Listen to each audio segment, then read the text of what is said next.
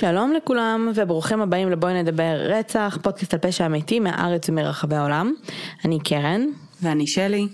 ואנחנו יוצרות והמנחות של הפודקאסט, אז uh, כרגיל תודה רבה לכל המאזינים הוותיקים uh, שחוזרים אלינו, וברוכים הבאים למאזינים החדשים שהגיעו אלינו ונפלו על הפרק הזה. אתם הגעתם לפודקאסט באווירת סלון קזואלית uh, על פשע אמיתי, כשבכל פרק מישהי מאיתנו מביאה קייס שהיא רוצה לדבר עליו, זה בגדול מה שאנחנו עושות פה. והיום שלי מביאה את הקייס. אמת. Uh, כן. אמ, רציתי לומר שלמרות שאנחנו בעיקרון אה, משתדלות, זאת אומרת לא משתדלות, אבל לא נוהגות לתת אזהרות טריגר, אה, יוצא לנו בעצם שני פרקים ברציפות שאנחנו כן אומרות, וזה בערך הטריגר היחיד שאנחנו אומרות בדרך כלל, וזה טריגר ילדים, אז אנחנו מתנצלות לכל ההורים שלא מסוגלים להאזין לזה, אה, שבועיים ברציפות, אמ, אבל... אז טריגר ילדים אני מניחה? טריגר ילדים, כן. אוקיי. Um, סבבה, אז ה case שלנו היום הוא case um, שאני חייבת להודות שאני לא זוכרת הרבה קייסים שהיו כל כך הרבה ממליצים עבורו. וואו. Uh, זה case ש... אוי לא. אני חושבת שיש לך ניחוש. זה על גבריאל? לא. 아, זה אוקיי. גבריאל. לא משנה, לא אוקיי. משנה, גם איזשהו קייס על איזשהו ילד. סבבה. שמאוד מומלץ והוא מאוד מאוד קשוח. הבנתי. אז הקייס הזה אה, לא הולך להכיל פרטים מאוד קשוחים, אה, למי שבכל זאת בוחר להישאר אה, למרות האזהרה, אה, אבל הוא כן באמת קייס מאוד מוכר, מאוד ידוע אה, בישראל. אה, ולכן חשבתי שאת אומרת אוי לא. כשהתחלת. אז אוי לא, שוב, אם זה שזה ישראלי, אוקיי. כן. אמ, אז בואי נעשה את זה בריפלי, את רשימת הממליצים. אז ככה, יש לנו את דניאל כהן, לי יגאל, חן שמקי, אלי פנחסוב, שלי ואריאל, אלונה איילרוב, אה, ירדן מנור, סיון אביב, עינת בר יוסף, שלומי אדרי וסייטמה ביתמה, שאני מניחה שזה לא שם אמיתי, אבל זה היה השם שרשמו בהמלטה. א', אם זה שם אמיתי, אנחנו מצטערות. מצטערות.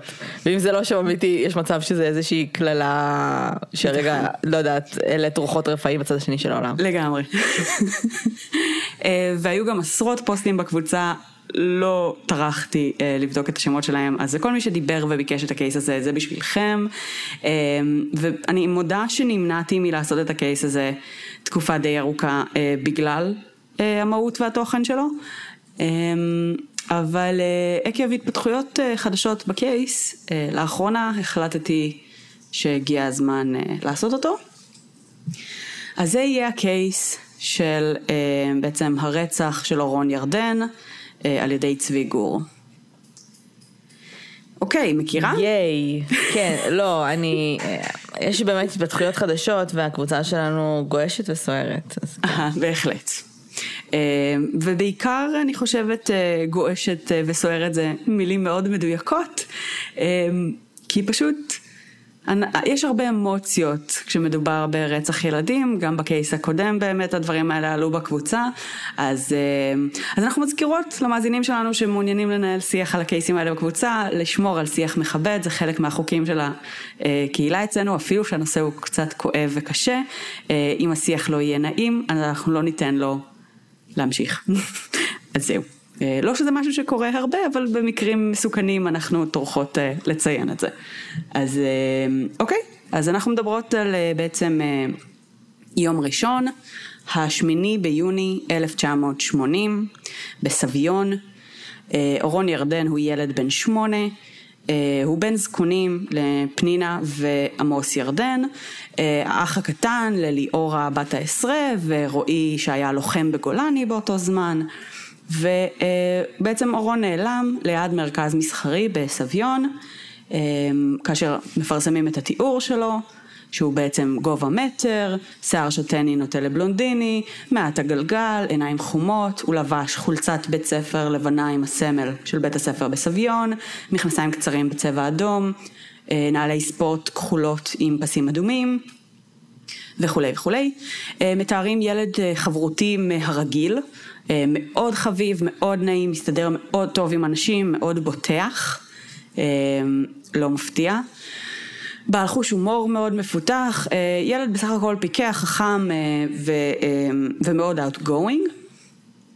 לאותו מרכז מסחרי הוא נוסע באופניים אחרי הבית ספר עם הכלב שלו לצידו, פעילות, פעילות די יומיומית שבעצם ילדי השכונה היו עושים ובעצם מאוחר יותר האופניים שלו נמצאות זרוקות במרכז המסחרי, איפה שבדרך כלל בעצם הילדים היו פשוט משאירים את האופניים כשהם היו הולכים לשחק או משהו כזה, אז הוא פשוט מעולם לא לקח אותם משם. והכלב חוזר פשוט הביתה לבדו באיזשהו שלב. בסביבות השעה שש בערב, אמ, כבר המשטרה מעורבת בחקירה, כבר ברור שמשהו פה אה, לא תקין, אמ, כי בעצם הילד היה אמור לחזור אה, מוקדם באותו יום, אמ, כי להורים היה איזושהי... איזשהו אירוע, היה משהו שהיו צריכים ללכת, להשאיר אותו עם בייביסיטר, וזה היה מאוד חריג שהוא אה, לא, לא נמצא. וכבר בשעה שבע בערב מתקבל טלפון לבית המשפחה עם בקשת כופר. אמ, בעצם גבר אומר אה, שהילד נמצא ברשותו, הוא מדבר קצת בלשון רבים, אה, כזה אצלנו וכולי וכולי, אבל בסך הכל... מדבר אגב כל הזמן בלשון רבים או שהוא משנה את זה?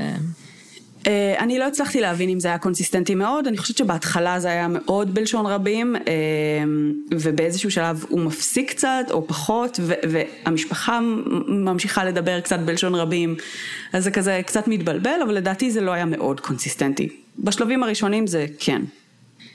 אה, הוא אומר שאין מה לדאוג, שהילד במצב טוב, אה, הוא לא נותן לאימא לשמוע את הילד, אה, ואומר שיהיה בקשר למחרת, למרות שכן יש משהו שכנראה שומעים ברקע, האימא שומעת ברקע משהו ולא לגמרי ברור בדיוק. צוות חקירה גדול מתמקם בעצם בדשא של בית משפחת ירדן, ממש צוותים מודיעיניים, כל, ה, כל החקירה מתנהלת ממש משם. ומתחילים לחקור דרך משפחה, דרך ילדים אחרים, מי ראה, מי ידע וכולי וכולי וכולי. אמ, ובעצם התגלה עדות של ילד שלמד איתו בכיתה, שאומר שהוא הלך לקנות אה, בטריות לפנס באותו מרכז מסחרי, וראה אמ, בעצם גבר לבוש מדים מדבר עם אורון.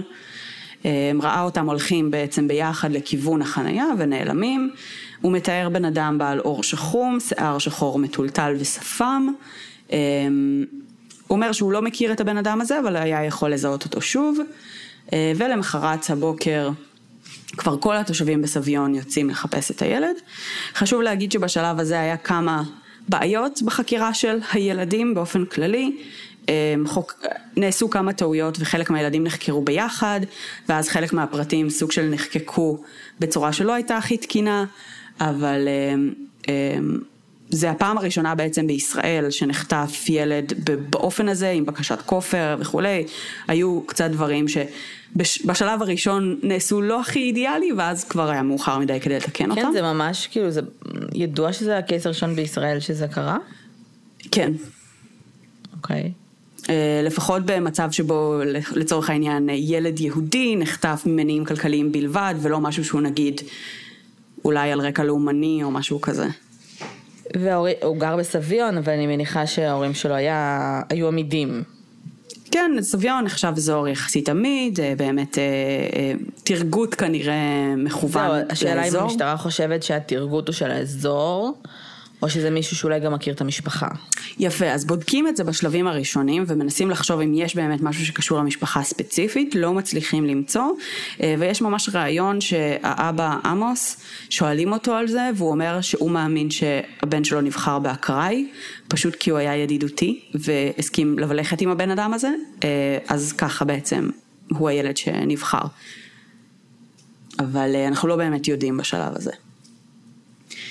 השוטרים בעצם מתמקמים בבית של המשפחה אה, במטרה גם לאכן את השיחות. אה, עכשיו, מה שאנחנו מכירים היום כאיכון סלולרי זה לא בדיוק מה שהיה בשנות ה-80 אה, בקווים נייחים. שנות ה-80 מדובר באיכון שהוא דרך מרכזיות, תהליך איטי מאוד מיושן, יכול לקחת חמש דקות שלמות בזמן שיחה כדי לאכן שיחה. ובתוך הבית גם בעצם השוטרים מקליטים את השיחות. אמ, רשות הדואר בעצם מציבה טכנאים בכל מרכזי, מרכזיית טלפונים. לא לגמרי ברור לי מה רשות הדואר, מה התפקיד שלה באותם מה שנים. רשות הדואר קשורה? אוקיי. אבל היא איכשהו קשורה גם. אה, ובעצם הם אה, מנסים לעקוב אחרי מקור השיחות הנכנסות והיוצאות לסביון ולבית משפחת ירדן. והמטרה היא באמת לנסות להבין מאיפה הבן אדם שהתוקע, החוטף מתקשר. אז הם, אה, הם מדריכים את ההורים למשוך זמן בשיחות וכמה שיותר באמת להעריך את השיחות, החוטף מבין את זה מאוד מהר, הוא מנהל שיחות מאוד קצרות על גבול הקצרנות, כאילו משפט אחד ארוך כזה ש, שמעביר את כל המידע שהוא צריך והוא מנתק. יחסית מאוד מאוד מתקתק את זה, הם לא מספיקים לקבל עליו מידע. בשלב מסוים הם כן מצליחים לאתר שאחת מהשיחות הראשונות מגיעה מאזור כללי יחסית גדול גיאוגרפית, במקור אחד כתוב פתח תקווה, במקום אחר אומרים ראשון לציון, אבל בכל אופן זה ברמת העיר, יודעים שזה מגיע מהעיר הזו, והם לא יודעים בדיוק איפה. והם מתחילים לנסות לחפש בתוך האזור הזה ברמת הטלפונים הציבוריים, זאת אומרת יש עשרות, שנת 1980 יש לך בכל פינות של אזורים מרכזיים, כמו תחנה מרכזית או משהו כזה, יש עשרות טלפונים ציבוריים, קצת קשה לעבוד ככה, אבל משם הם בעצם מתחילים. בתשע בבוקר למחרת הוא מתקשר שוב, והוא אומר, הוא אומר לפנינה, הבן שלך הוא רק רוצה הביתה, מתאר שהילד קצת מנדנד, מתאר שהוא אכל, אבל עכשיו הוא לא רוצה לאכול. מנהל שיחה... כאילו גבול... הבייביסיטר ומספר לאימא מה קורה עם הילד. כן, על גבול ההורית. כן, כן, זה לגמרי נשמע הורי. לגמרי, ו- והכל באמת גם מאוד מאוד מהר, זאת אומרת העברת המידע קורית מהר, הוא מבין לא, לא, לא למשוך זמן בשיחה. ואז בשתיים ועשרה באותו יום הוא מתקשר שוב, הוא מבקש לדבר עם עמוס, עם האבא. האימא שוב מבקשת תן לי לדבר עם הילד, אני רוצה לשמוע אותו, מנסה לעכב תוך כדי בעצם שהיא שואלת את השאלות.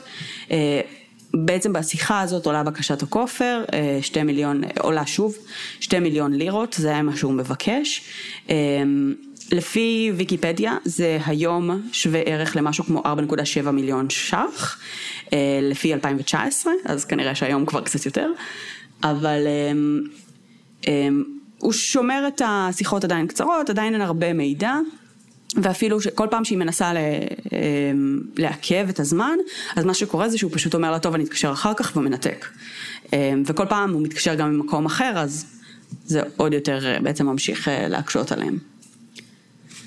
ביום השלישי הוא מתקשר, ובעצם פנינה אומרת לו, אני, הכל מוכן, אנחנו מוכנים לשלם לך את הכופר. We have the money. ואז היא שוב מבקשת, אני רוצה לשמוע את הילד, אני רוצה לדבר עם הילד, היא כל הזמן מבקשת את זה, והוא כל הזמן לא כל כך נותן לה, אחר כך הוא יגיד שזה כי הילד היה באוטו, או במקום אחר, בזמן שהוא בעצם בטלפון הציבורי.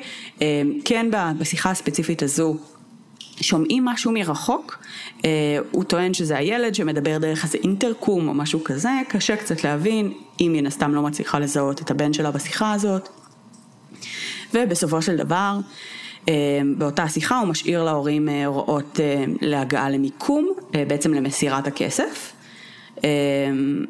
מוביל אותם לאיזושהי צומת במקום שבו יש חבית מסומנת ב-X, שבחבית הזאת יהיה בעצם הוראות נוספות, באזור, אזור של, של, של אני לא יודעת בדיוק מה זה אומר, כאילו חלק מהמקומות מתייחסים אליו כמושב, אני יודעת שהיום זה נחשב שכונה בהוד השרון, אזור שנקרא נווה נאמן. ובעצם הוא, הוא נותן להם הנחיה מאוד ספציפית, בלי שום מכשירים, מכשירי האזנות, ציטוט וכולי, בלי מכשירי קשר, בלי משטרה. הוא אומר להם, הילד יותר חשוב. את הכסף שימו בשקית ניילון לבנה וכולי וכולי, אומר להם אחרי הצומת סגולה לכיוון בלה בלה בלה, בתוך חבית. להם, הוא אומר להם הילד יותר חשוב? כן, מספר פעמים, במספר שיחות שונות הוא אומר את המשפט אם, הזה. אם הוא פשוט מאוד מאוד חכם ויודע איך לפנות להורים, או שהוא הורה בעצמו והוא בעצמו יכול להזדהות ולהבין מה הם מרגישים. אז קודם כל, נקודה מצוינת. ואני חושבת שזה גם וגם. אני חושבת שאנחנו נגלה בהמשך שהוא אכן הורה בעצמו. ו... והם באמת פה עושים את, את כל מה שהוא אומר להם, או שיש כזה כל מיני שיטים במשטרה? המשטרה לחלוטין מעורבת, הכל מוקלט, הכל, אה, הכל, אה, גם הכופר בעצם הוא בשיתוף פעולה עם המשטרה, אבל, אה, אבל הם כן מנסים להעמיד פנים שהם עושים את זה לפי ההנחיות שלו. ובעצם גם למועד המסירה של הכופר, הם מגיעים למקום שהוא אמר להם, הם עושים את בדיוק מה שאמרו להם, אבל המשטרה שם. המשטרה כאילו צופה, מתצפתת ובשאיפה אמורה לתפוס אותו. אה, אז מקבלים באמת הוראות אה, לאן להגיע ושם הם אמורים לקבל הוראות נוספות. ואז באמת אה, האבא מגיע למקום, רואה את החבית הראשונה המסומנת ב-X לבן, בתוך החבית יש אבן גדולה, מתחתיה פתק, בפתק הוא מקבל הוראות להגיע למקום אחר. ובעצם אומר לו, כשאתה רואה כתם לבן על הכביש, תראה לידה חבית לבנה מסומנת ב-X, בתוך ההנחיות נוספות וכולי וכולי. ובעצם הוא אומר לו, פעל לפי ההנחיות, חיי בנך חשובים, כתוב בפתק. אמ, ובנוסף כתוב שם, אחרי שהכסף יהיה בידיי, אשלח את הילד במונית בתוך חצי שעה, תמתין לו במקום של הפתק הראשון. אה, וזה מה שבאמת אה, בסופו של דבר אה, מנסים לעשות. עכשיו הכסף בעצם מוציאים אותו מבנק ישראל אה, על ידי המשטרה, המשטרה נוסעת לירושלים, מוציאה את זה ידנית, הכל מאוד מאוד ידני, שנות ה-80. אה, אנשים, שוטרים, יושבים וכותבים את מספרי השטרות ידנית אה, של בעצם משהו השווה ערך לשני מיליון לירות בשטרות של 50 שקלים, שזה פשוט המון המון שטרות. שלושה חודשים לפני החטיפה בעצם עוברים במטבע מלירות לשקל, אז בעצם החוטף מבקש את הכופר בלירות, אבל בפועל משלמים בשקלים כי זה המטבעות שמשתמשים בהם היום. אמ, אז סתם לצורך הקונטקסט, זה הסיבה שלפעמים זה שקל, לפעמים זה לירות. בכל אופן, אה, יש רשימה של כל השטרות שהיו בתוך באמת השקיות האלה, ובנוסף מאביקים את השטרות באבקה זרחנית, שבעצם תחת אולטרה סגול אה, זה יזרח ויצביע על מגע אה, שבוצע בשטרות האלה. ובעצם בתוך השקית של השטרות גם מכניסים משדר, שאמור בעצם לשדר את המיקום של הכסף, וככה בעצם לאתר את הבן אדם שלוקח את השקית. אז האבא מגיע לחבית, מקבל את ההנחיה לשים את הכסף ולעזוב את המקום, הוא עושה את זה. אה, שוטרים מתצפתים עם אמצעי ראיית לילה, אה, והם מתחילים לשמוע רשרושים, הם מתחילים לצעוק אחד לשני בקשר, אני שומע רשרושים ו- וכאלה. ולפני שהם מספיקים להבין מה קרה, הם רואים מיד מאחורי החבית, שבה תופסת את השקית ונעלמת. אה, ובעצם כמה שניות עוברות, הסאונד של המשדר מפסיק, אמ, הבן אדם רץ, בורח, אה, חלק מהשוטרים מנסים לרדוף אחריו, אה, אבל לא כל כך מצליחים, גם כי הם לא רואים כלום, חושך אימים, זה מקום לא מואר, אה, חד משמעית הבן אדם מכיר את האזור והם לא. אמ, אחר כך הם סורקים את האזור והם מוצאים צנצנת קטנה שמכילה אבקת פלפל שחור אה, והיא מוכתמת בסיד הלבן שבעצם השתמשו בו לצייר את ה-X על החבית. הפלפל מיועד ככל הנראה, ל, ל, לדעתם, בעצם כדי להטעות כלבי גישוש של המשטרה, במידה והם הביאו כאלה לזירה. עכשיו, הם לא הביאו, לא כלבי גישוש, לא כלבי תקיפה. פלפל אה, מטעה כלבי גישוש? אני לא יודעת כמה זה נכון. אה, מי יודע את זה? אבסולוטית או בכלל, אבל ככל הנראה זה הייתה סברה שחשבו, ואכן, מי יודע את זה, זו שאלה מצוינת. Uh-huh. אני נגיד כבן אדם שלא מכיר את המשטרה מבפנים נגיד, הייתי מביאה הרואין או משהו. כי את אומרת, אם הם כבר כלבי גישוש שמחפשים, יכול להיות שיש הבדל, יש הבדל בין כלבים שמחפשים סמים לכלבים שמחפשים משהו אחר. אני לא יודעת, פלפל? יכול להיות. על זה. יכול להיות, אבל כן, זה, זה מעניין. אין לי מושג מאיפה הידע הזה. אני לא יודעת אם זה גם נכון למשל היום, כי בכל זאת עברו 40 שנה. גם שנות ה-80, זה לא אתה יכול פשוט לגגל ולראות כל מיני דברים. זה, צריך. אה, ידע זה צריך להגיע מאיפשהו. בדיוק, כן, זה, זה מפתיע. עכשיו המשטרה מניחים שזו הסיבה ש... שהיה שם פלפל שחור, אז יכול להיות שזה מידע שהוא כן מדויק, אבל בכל זאת זה מפתיע. ובעצם אנחנו מבינים גם מהעובדה שהמשדר הפסיק לפעול אחרי כמה שניות, זה שהוא מגלה אותו. בפועל מה שקורה זה שהוא הכין מבעוד מועד בור באדמה, והוא זורק את השקית הזאת לבור באדמה ומכסה אותה, ואז הולך ומתחבא. ותחת האדמה המשדר מפסיק לפעול. מאוד מתוחכם. בינתיים עמוס האב אה, הולך למועד הח... למוק... למקום של החבית הראשונה, ממתין להחזרה של הילד, הוא ממתין הרבה זמן, עד השעות הקטנות של הלילה הילד לא מוחזר, אה, ובאיזושהי נקודה באזור שלוש לפנות בוקר או משהו כזה, אה, הוא מבין שהוא לא הולך לחזור והוא אה, חוזר הביתה. ביום למחרת, בוקר למחרת, מהבוקר בעצם, יש עוצר על נווה נאמן. אה, בעצם המשטרה מבינה שהחוקר כנראה, שהחוטף כנראה מכיר טוב את המקום, אה, ושהוא כנראה עדיין בתוך האזור של המושב. אה, מביאים למקום בערך 200 אנשים, מתוכם שוטרי מג"ב, אנשי היחידה הלוחמה בטרור, גם כלבי הערכה וכלבי תקיפה, שהם מיועדים בעצם לנסות למצוא אותו. עוברים מבית לבית, מחצר לחצר, אה, שואלים משפחות כמה אנשים גרים פה בבית, האם מישהו מהילדים שלכם בחבה הוא חייל וכולי וכולי. אה, ממש סורקים את, ה, את המקום, ואחרי כמה שעות שלא מוצאים, בעצם יורדת הנחיה להפסיק את החיפושים, אה, ובעצם לעצור את העבודה בנווה נאמן.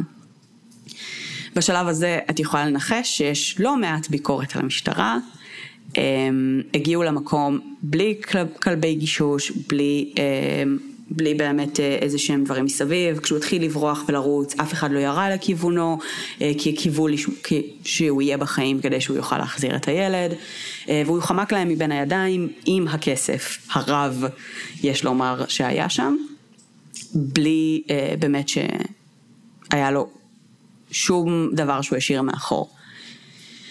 אה, ובאמת בגלל שזה היה אירוע מאוד נדיר, אה, והראשון בארץ כמו שאמרנו, אה, היה הרבה זעזוע בציבור, היה המון דיבורים על זה, מנחם בגין שהיה ראש הממשלה אז, פנה לחוטף בפנייה דרמטית ברדיו, העיתונים דיברו מדי יום בעמוד הראשון על החטיפה, זה היה מאוד מאוד סנסציוני באותו הזמן.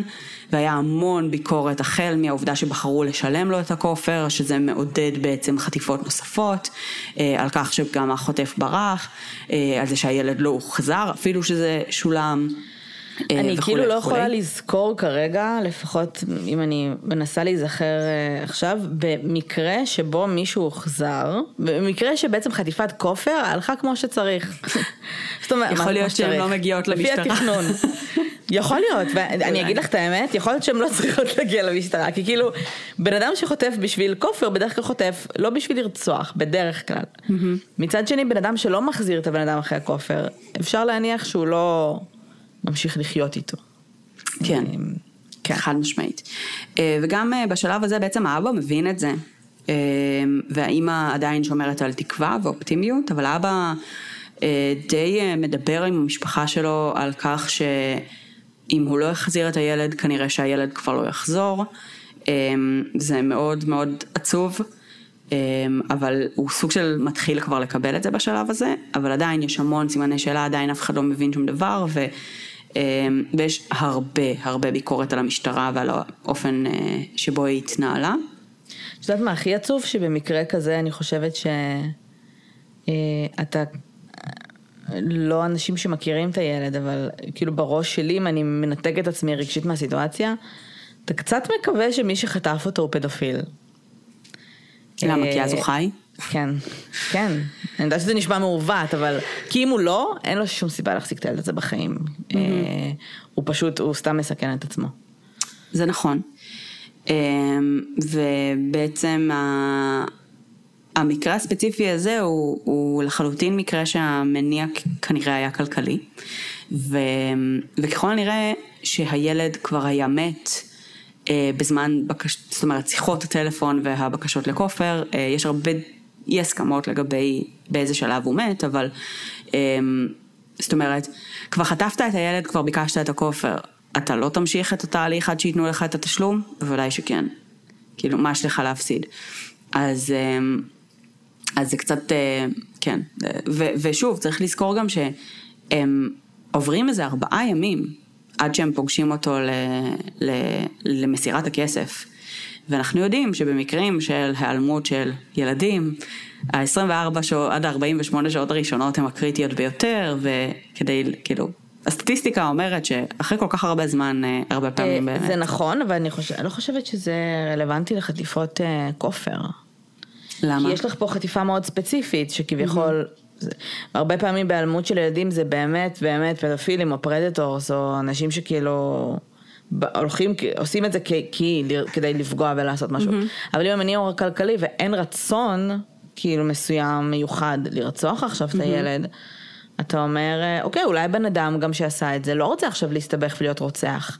וורסט קייס הוא יהיה גנב, כאילו, מה זה גנב? זה וואחד, זה חטיפה וזה, אבל יש הבדל.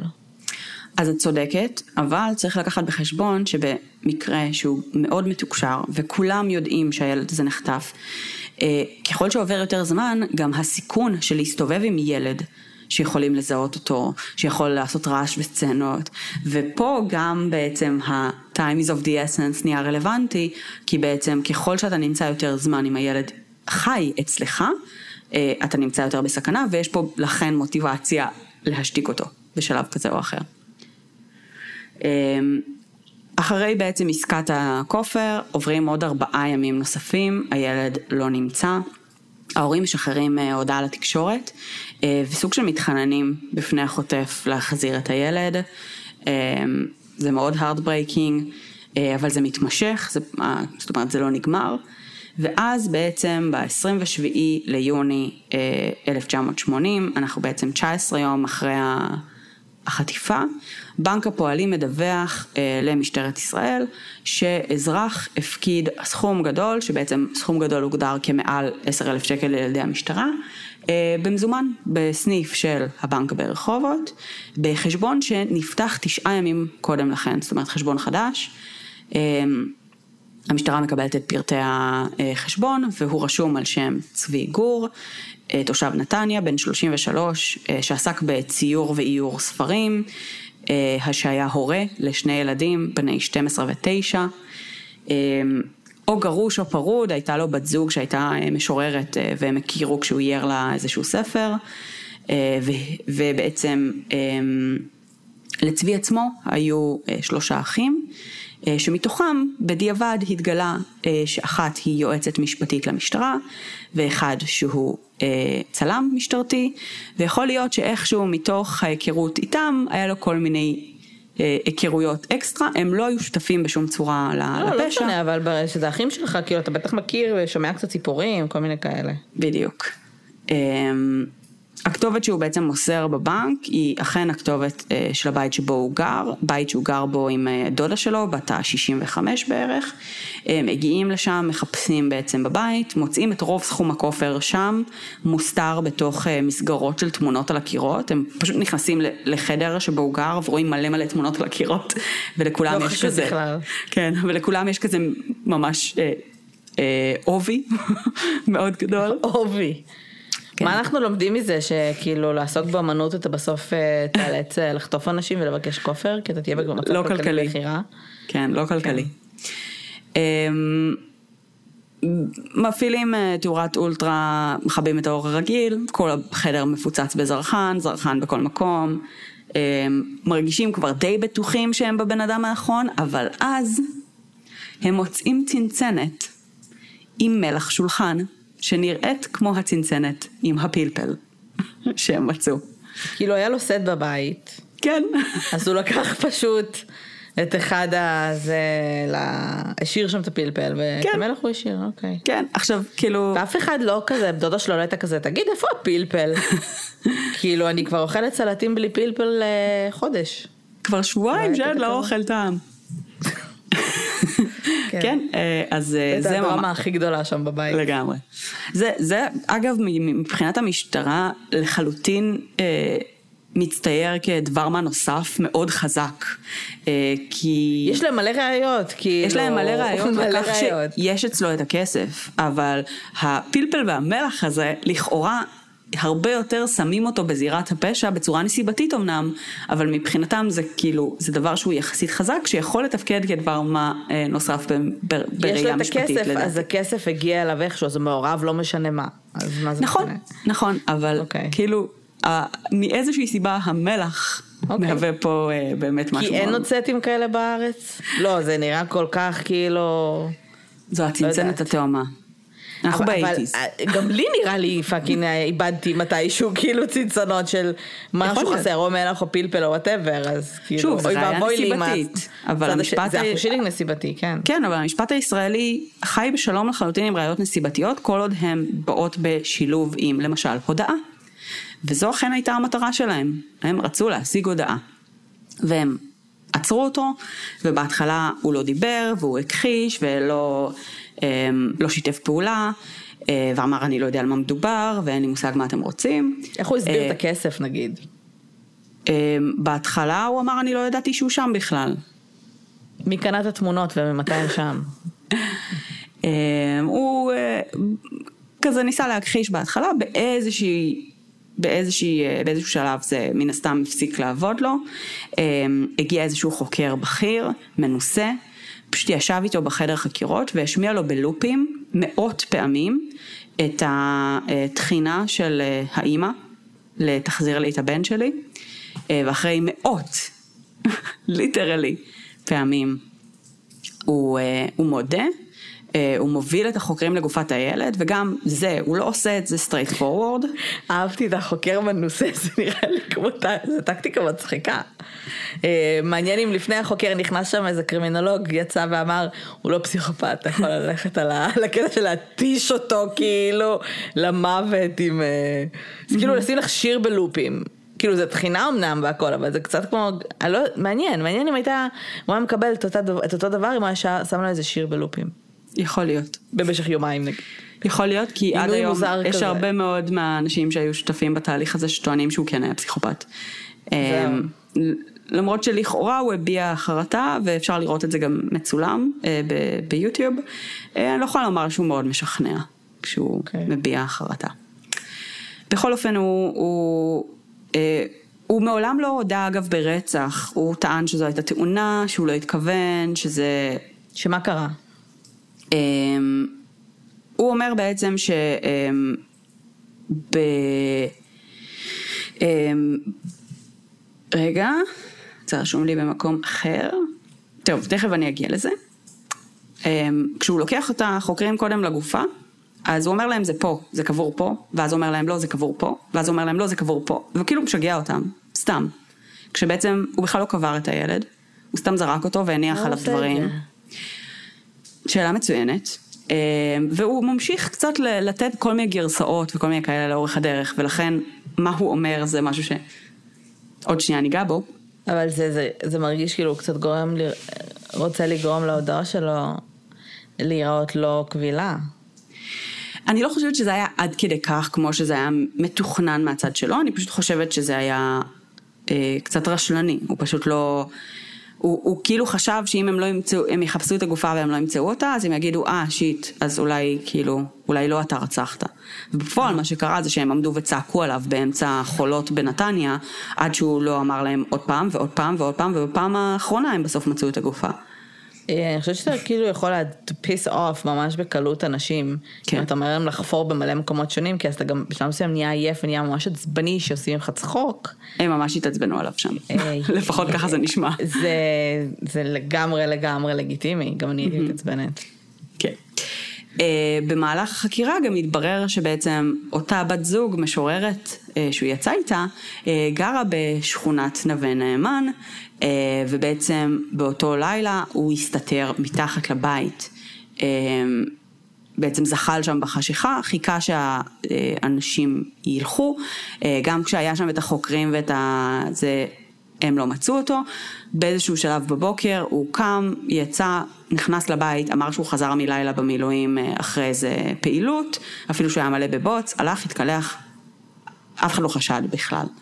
אז אה, ככה הוא בעצם חמק להם בתוך נווה נאמן מה...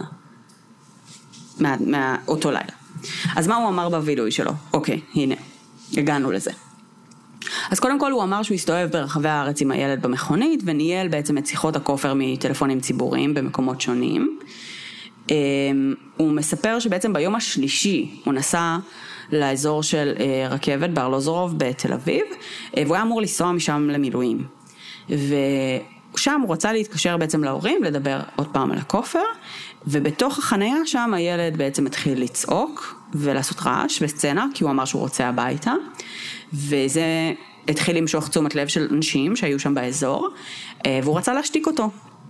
אז הוא אמר שהוא בעצם רכן עליו אה, עם המרפק על החזה והיד השנייה חסמה את הפה שלו אה, והוא חשב שהוא התעלף או ישן או משהו כזה, זאת אומרת הוא, לא, הוא טוען שהוא לא חשב שהוא מת בכלל בשלב הזה אה, ושבעצם בעשירי לחודש הוא עדיין היה בחיים ורק ב, ביום רביעי בערב, זאת אומרת ארבעה ימים לאחר החטיפה, הוא גילה שהילד מת. בפועל לא נראה, זה לא נשמע הגיוני. זה לא נשמע הגיוני, למה? כי ארבעה ימים לאחר מכן זה כבר הערב של, הח... של, הח... של הכופר עצמו. והבחור התחבא לילה שלם מתחת לבית. הוא ידע שהוא לא הולך להביא את הילד לשום מקום. כן. אז לא הגיוני. Uh, בכל מצד אופן... מצד שני, את אומרת, למה? למה להסתבך עכשיו ברצח? אני מבינה שזה גם, זה ידרוש ממך או לקשור את הילד, או, או להסתובב כל הזמן עם מסכה, ויכול להיות mm-hmm. שיהיו פרטים מזהים, זה גם רכב, מקום, זה בעייתי, אבל זה נשמע לי הרבה יותר בעייתי לרצוח. אני מסכימה איתך, מצד שני, כשהילד צורח ויש סצנה, אני לגמרי מאמינה לזה שהוא הרג אותו. האם זה היה ביום הרביעי או ביום הראשון, אני לא יודעת, אבל אני גם יכולה לדמיין סיטואציה כזאת, אה, שבה יש בחדשות את העובדה שילד נחטף, ויש ילד שצועק, קח אותי כבר הביתה, או משהו כזה. אני יכולה לדמיין את הסיטואציה. בפועל, ב... אמ, כש... כשחקרו אותו, אז גם עלה שהיה לו רקע פלילי. אמ, בעצם ב-76 הוא נידון ל-18 חודשי מאסר בפועל ועוד 18 על תנאי, על פריצה לבית עסק והפצת המחאות ללא כיסוי. שוב, בעצם הזווית הכלכלית אה, כן. מאוד, אה, מאוד מובילה אותו בקריירה הפלילית שלו. הוא ישב בערך שנה בכלא, אה, ואז ניקו לו שליש על התנהגות טובה. ובעצם באפריל 80, שזה היה חודש וחצי לפני החטיפה של אורון ירדן, היה כנראה ניסיון חטיפה נוסף. אמ, של אה, ילד מכפר שמריהו, שוב אזור מאוד מבוסס, שנחשב אה, עמיד, אמ, וגם שם בעצם היה איזושהי דרך שבה פיתו אותו להיכנס לרכב, את אותו ילד. התרחקו מהיישוב, הילד נבהל והתחיל לבכות ולעשות סצנה והוא פשוט החזיר אותו למקום שממנו הוא אה, אסף אותו ואפילו התקשר בערב לאימא שלו והתנצל ואמר שזו הייתה אי הבנה. אמ, זה עדיין התפרסם בעיתון, בעיתון כניסיון חטיפה. Mm-hmm. אבל, אמ, אבל בעצם קישרו את זה אליו רק בעצם בשלב של החקירה כבר שזה כנראה היה הניסיון שלפני אורון ירדן. אמ, ואז בעצם הגענו למשפט, ובמשפט הוא המציא עוד גרסאות, גרסה חדשה, ששם אה, הייתה גרסה על בעצם איזושהי אשת פשע, לכאורה, שהשם שלה לא היה קיים במרשם האוכלוסין, השם שהוא נתן עליה, אה, שטען, שהוא טען שהיא הכריחה אותו לבצע את החטיפה, אה, כי הוא כאילו היה חייב לה כסף, או איזה שהם מניעים כלכליים כאלה או אחרים. נתן איזה סיפור על זה שהיא הייתה מבריחה יהלומים במסגרות הציורים שלו, ובלה בלה בלה בלה בלה. ושבעצם היא ביצעה את הרצח בפועל ולא הוא, הוא רק ביצע את החטיפה. אמ, אבל בסופו של דבר מצאו את כל הכסף כמעט אצלו, וזה כמובן סתר את התיאוריה הזאת, השם של האישה הזאת לא היה קיים. כמה אה, צריך להיות, כמה השם הזה צריך להיות מיוחד כדי שהוא לא יהיה קיים במרשם האוכלוסין? הוא לא היה תן סופר... תן את השם הכי גנרי שאתה יכול, תן דני לוי. כן, יש גם... כנראה כאילו... אני גם אוהבת את הפמיניזם והכל, אבל כאילו, אם אתה כבר הולך על עולם פשע תחתון וזה, כאילו, אני לא יודעת כמה נשים היו חזקות באייטיז. כן, אבל זה, זה מאוד נשמע פשוט אה, מאוד, אה, ראיתי את זה בסרטים. כן. אה, האישה החזקה והמפתה ויהלומים במסגרות, אוקיי. יפ. אמ, בכל אופן... מה היה, מה העורך דין שלו אמר? כאילו, מה היה קו ההגנה שלהם? אני חושבת שהם ניסו ללכת עם הדבר הזה. אני לא... עם הבן אדם שלא קיים. כן. אה, שוב, את יודעת, גם יש אה, כינויים וזה, בעולם הפשע, נגיד, אפשר היה, את יודעת, על העובדה שהיא לא רשומה במרשם האוכלוסין, עוד איכשהו היה אפשר... איך קראו לה, את יודעת? לזרום. איך הוא טוען שקראו לה? כן, זה רשום בוויקיפדיה, לא רשמתי את השם, אבל זה היה איזה אוקיי. מין שם גנרי כזה, הילה משהו, לא... אוקיי. לא כן, כינוי מטורף בעולם הפשע, לא, הילה לא, משהו. לא ממש. אה, בכל אופן, מבחינת אה, אה, עולם עריכת הדין, זה נקרא עדות כבושה, שזה אומר בעצם שזו עדות שמגיעה לראשונה רק לאחר הגשת התביעה נגדו, זאת אומרת עדות מאוחרת, ובית המשפט נוטה להפחית ממשקל של עדויות כאלה, אז מראש זה לא מאוד, אה, לא מאוד לקחו את זה ברצינות. אה, ואכן באמת, אה, זאת אומרת, הוא עומד למשפט, אה, השופט לא מקבל את הגרסאות שלו, אה, ובסוף, בפסק הדין, הוא, אה, השופט אומר שלדעתו רון אה, הומת בשלבים מוקדמים מאוד של כל התהליך הזה. הוא מאמין שזה היה בשעות הלילה בין יום ראשון לשני, זאת אומרת ביום שבו הוא נעלם. ו, אה, ואומר שלדעתו הגופה כבר נקברה ב, ביום למחרת. אה, כשצבי גור מדבר על זה שאיזה יומיים הוא היה לו בתא המטען וכל מיני סיפורים, עכשיו שוב אנחנו ביוני בישראל, כן. לא נשמע לי הכי סביר באמת שהוא נסע איתו יומיים בתא המטען, אבל בכל אופן, אנחנו יודעים באיזה מצב הגופה הייתה כשהיא נמצאה? אה, לא.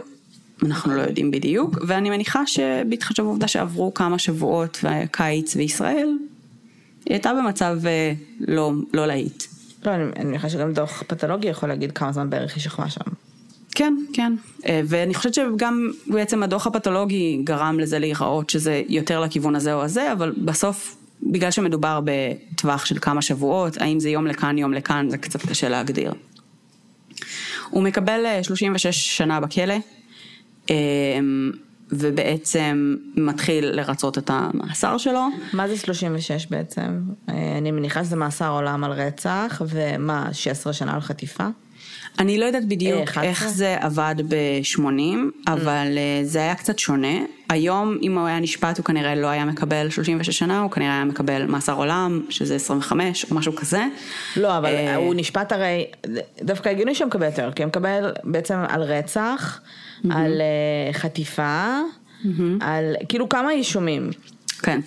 אה, לא הצלחתי להיכנס לפסק דין עצמו, אז לא הצלחתי לראות את הפרטים המלאים, אבל לדעתי גם הדברים פשוט השתנו מבחינת, מבחינת מערכת המשפט בארץ. אה, אז אני באמת לא כל כך יודעת איך זה היה בשנות ה-80, אם מישהו מהמאזינים שלנו במקרה יודע, אתם מוזמנים לספר לנו. בכל אופן הוא, הוא היה בעיקרון אסיר למופת רוב הזמן, אבל מדי פעם, למשל ב-85 נתנו לו לצייר על חומות הכלא מבחוץ, ללא שמירה, והוא ברח. ואחרי שישה ימים מישהו זיהה אותו באוטובוס ותפסו אותו. אה, ובעקבות זה נגיד מנעו ממנו אה, חופשות לאיזה עשר שנים. אחר כך אה, שינו לו בעצם בעקבות זה את העונש ל-45 שנה בכלא. זה כי בעקבות הבריחה, ואז ב-2005 עוד פעם הוא עשה איזה משהו, ושוב שללו לו זכויות חופשה עד 2010. אה, בקיצור, הוא המשיך קצת לעשות בעיות, הוא לא, הוא קצת בחן גבולות אה, לאורך אה, כל הדרך. ב-2017 כמעט שחררו אותו עם קיצור של אה, שמונה שנים מהעונש, אחרי שהוא היה 37 שנה בכלא. אה, אבל אז זה בוטל, בעצם בעקבות ערעור שהוגש. רגע, ואז- אז הוא סיים את ה-36 שנה, ופשוט הוא קיבל עוד בגלל אז, אה, בגלל שהוא כן, הוא. קיבל 45, בעצם זה הצטבר ל-45 אחרי הבריחה מהכלא. אז אני, אני רק אגיד שאני מצאתי פה שהמאסר הראשוני שלו, הוא קיבל בעצם אה, מאסר עולם על הרצח, ו-36 שנה על חטיפה וסחיטה באיומים, אבל, לא יודעת שזה יכול לקרות, שהמאסר, ששני אה, גזרי הדין בעצם הוא...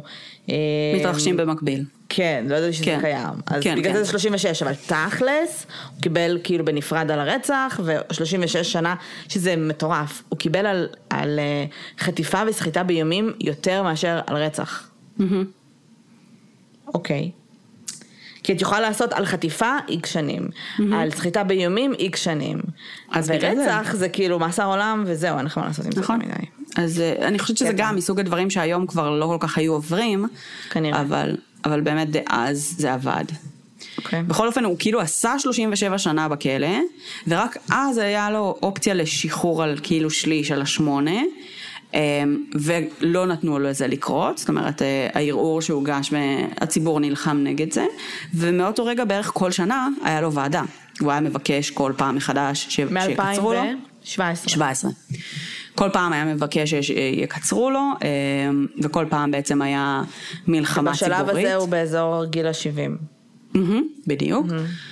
אמ, באיזושהי נקודה פנ- פנינה ירדן עצמה הפסיקה להילחם בשחרורים שלו. אה, מצד אחד היא דיברה על זה שהיא מיואשת ואין לה כוח להילחם בזה והיא לא, פשוט לא כמובן. רוצה. ומצד שני היא גם אמרה, אמ, זאת אומרת שאם מדינת ישראל תחליט לשחרר אותו זה בעיה של מדינת ישראל ולא שלה. אה, וגם ב-2010 היה איזה קטע שהיא אה, לא התנגדה לזה שהוא יצא לחופשות. אמ, והיא דיברה על זה בפומבית שהיא חושבת שהיא הייתה שמחה אם היה מדין, במדינת ישראל עונש מוות לרוצחי ילדים, אבל כל עוד הוא בחיים הוא בן אדם וכאילו הוא זכאי לחופשות, משהו בנוסח הזה. ו... זה נראה לי ממש ממש קשה כשאתה אה, נכנס לכלא, נגיד מישהו שרצח את הילד שלך, ואתה אמור תיאורטית, אה, כאילו להתחיל להחלים, ולא יודעת, איכשהו להתחיל להמשיך בחיים שלך, ואז נוצר מצב שאחרי 30 שנה או וואטאבר, אתה צריך כאילו להילחם נגד כל מיני אה, החלטות שאולי המדינה, אני לגמרי מבינה שהיא אומרת, תעשו מה שאתם רוצים, כאילו... לגמרי. יש מערכת צדק, אני לא רוצה כל פעם להיות עוד פעם ועוד פעם להתיש את עצמי עם הבן אדם הזה. אני בעד זה. אני חושבת שבאמת כאילו ה- אה, האחים, אה, ליאורה ורועי, אה, אה, כן בעצם הובילו את המאבק הזה קצת יותר. כן. ו- והלב שלי יוצא אליהם, כי כאילו, כי הם באמת לא, לא יכלו לשחרר.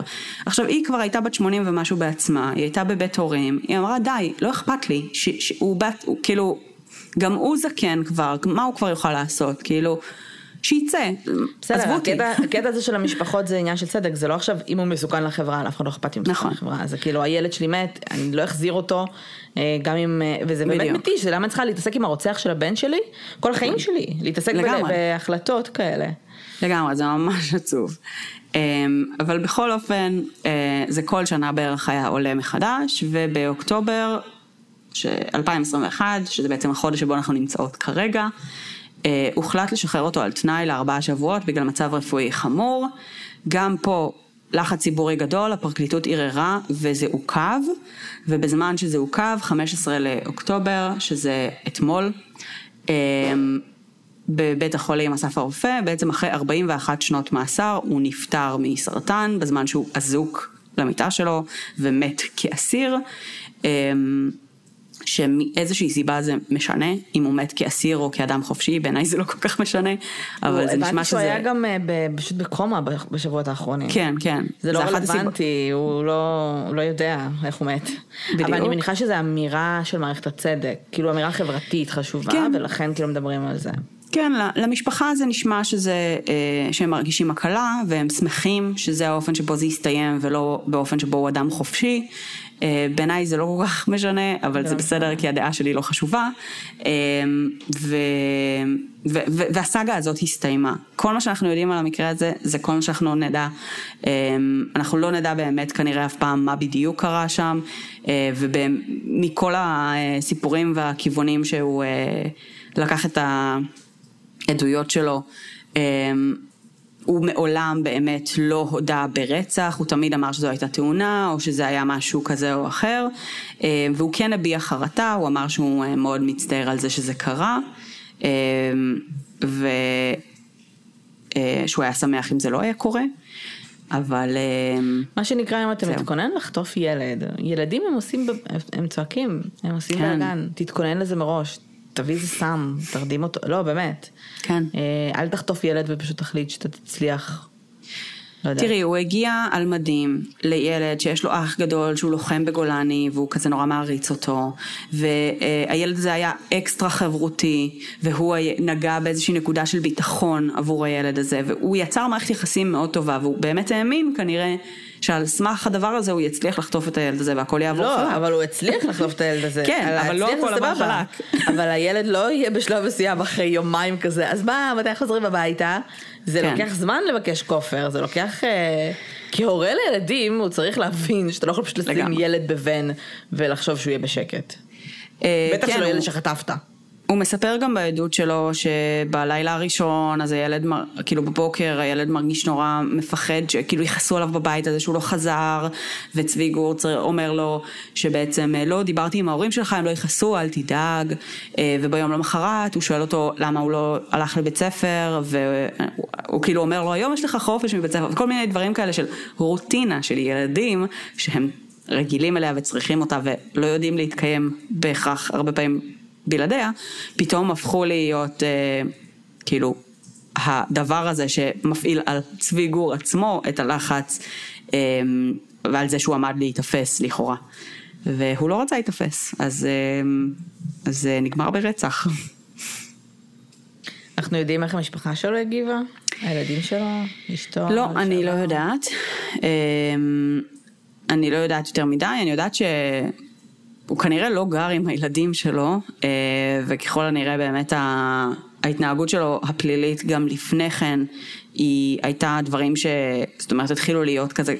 out of the norm, אה, אנשים שהכירו אותו מקודם לכן אז חשבו שכל מיני שכנים, חברים וזה, חשבו שזה כזה מעידה חד פעמית, כי הוא היה כזה בחור טוב, מבית טוב, וכל מיני כאלה לכאורה, אבל, אה, אבל בפועל באמת לא יפתיע אותי אם הם שונאים אותו ומתכחשים לקיומו, אבל בסדר, כן. אז גם אם הוא היה משוחרר על תנאי, לאן לעזאזל הוא היה הולך בקומה? מי היה אה, רוצח אותו? לא, המטרה הייתה שהוא פשוט יהיה בטיפול אה, כלא אבל אזוק. במסמכים יהיה רשום שהוא משוחרר על תנאי. כן, לא יודעת, לא לגמרי הבנתי את הקטע. כאילו עניין של פואנטה, הבנתי. נראה לי שזה גם פואנטה וזה גם קצת מפריע לטיפול הרפואי, אז נראה לי שזה היה כזה בקטע של... למה זה בוא- מפריע לטיפול הרפואי? לא יודעת, כאילו נשמע לי שאם יש איזשהו מקרה חירום וצריך להעביר אותו ממקום למקום, העובדה שהוא אזוק נגיד, זה יכול להיות בעיה, או... לא יודעת, אבל אולי אני טועה. אני לא בטוחה אבל שחוקית הוא חייב להיות אזוק אם הוא אסיר? בקומה? הוא חייב כן. להיות אזוק? כן, כך זה... בקומה, כך- הוא בן 70 ובקומה. כן, אוקיי. קיבלתי. כן, אה, זה מה שאני הבנתי. אה, זהו, זה הקייס אה, של רצח אורון ירדן אה, על ידי צבי גור. אה, המקרה הראשון בישראל של חטיפת כופר של ילד, אה, שאומנם הכופר באמת התקבל, הוא קיבל את הכסף, אבל אני לא יכולה להגיד שכאילו זה עודד מאוד אנשים אחרים לעשות חטיפות כופר בישראל. זה לא עובד כמו בסרטים, כופר אף פעם. זה פשוט לא זה עובד. באמת לא עובד. בלי כן. קשר, גם אם לא רצחתם את הילד, הקטע של השטרות והמשטרה ושטרות מסומנים, ובאמת יש, יש כל כך הרבה דרכים לעקוב אחריכם, זה באמת באמת לא עובד. אלא אם כן זה ב... בשוק השחור ובארגוני פשע, הם חוטפים אחד לשני אנשים, בסדר. אה, אז הם, אגב, אה, בשלב מסוים של החקירה התייעצו עם כל מיני ראשי ארגוני פשע, כולל להוציא אנשים מהכלא כדי שילכו ויגששו, ככל הנראה, והם אמרו מ-day one, אנחנו לא קשורים לזה, אין סיכוי שאצלנו היו חוטפים ילד בן שמונה. למה? יש אני, סטנדרטים. אין, אני מתה על ארגוני פשע. אני כל כך אוהבת את המאפיונרים. כי על אף העובדה שהם באמת רוצחים בדם קר. יש להם סטנדרטים. הם כן. לא יהרגו מישהו שלא מגיע לו. עכשיו מה זה מגיע לו? מגיע לו יכול להיות גם בסיטואציה שלהם, הסתכלת עליי, לא נכון, תלוי מה החוקים של הכנופיה. אבל הם בחיים לא יחטפו ילד בן שמונה, ושוב, התכוונתי שהם בטח חוטפים. בתוך העולם שלהם. כן. חוטפים אנשים אחד של השני. הם לא ילכו ויחטפו סתם בן אדם בשביל כופר בחוץ. הם לא כדי כך. טיפשים. כנראה שלא. אז זה, זה לא עובד כופר, וזה באמת אף פעם לא עובד, אל תעשו את זה. כן. חד משמעית. כן. אמ, טוב, עוד משהו? אה, זהו. אה, אני שמחה עבור המשפחה שהם סוף סוף אה, קצת משוחררים מזה.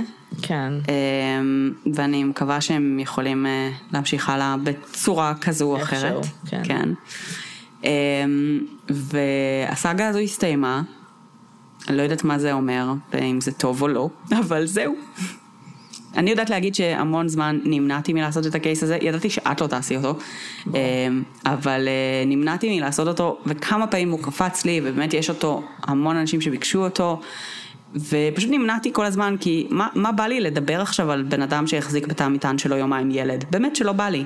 כן. אבל אמ, האמת שכל התהליך המשטרתי פה מעניין אה, ומצחיק בהתחשב בעובדה שבאמת אנחנו בשנת 80, אז נגיד שטרות מסומנים זה בפועל אנשים שישבו ורשמו את מספרי השטרות, כן. ואיכון סלולרי זה משהו שכאילו, זה מרכזיות של בזק, זה, זה קצת, אה, זה מעניין, באמת כן. פרספקטיבה מש, משוגעת של איפה אנחנו היום לעומת איפה היינו אז, אה, אבל אה, כן, אני, אני לא ממליצה לאנשים היום לנסות לחשוף ילדים, נראה לי זה יהיה לא. אפילו משמעותית יותר גרוע. לא רק ילדים, בכלל, בכלל לחטוף כן. בשביל כופר, זה לא כן. עובד, זה עובד בטלנובלות של היום.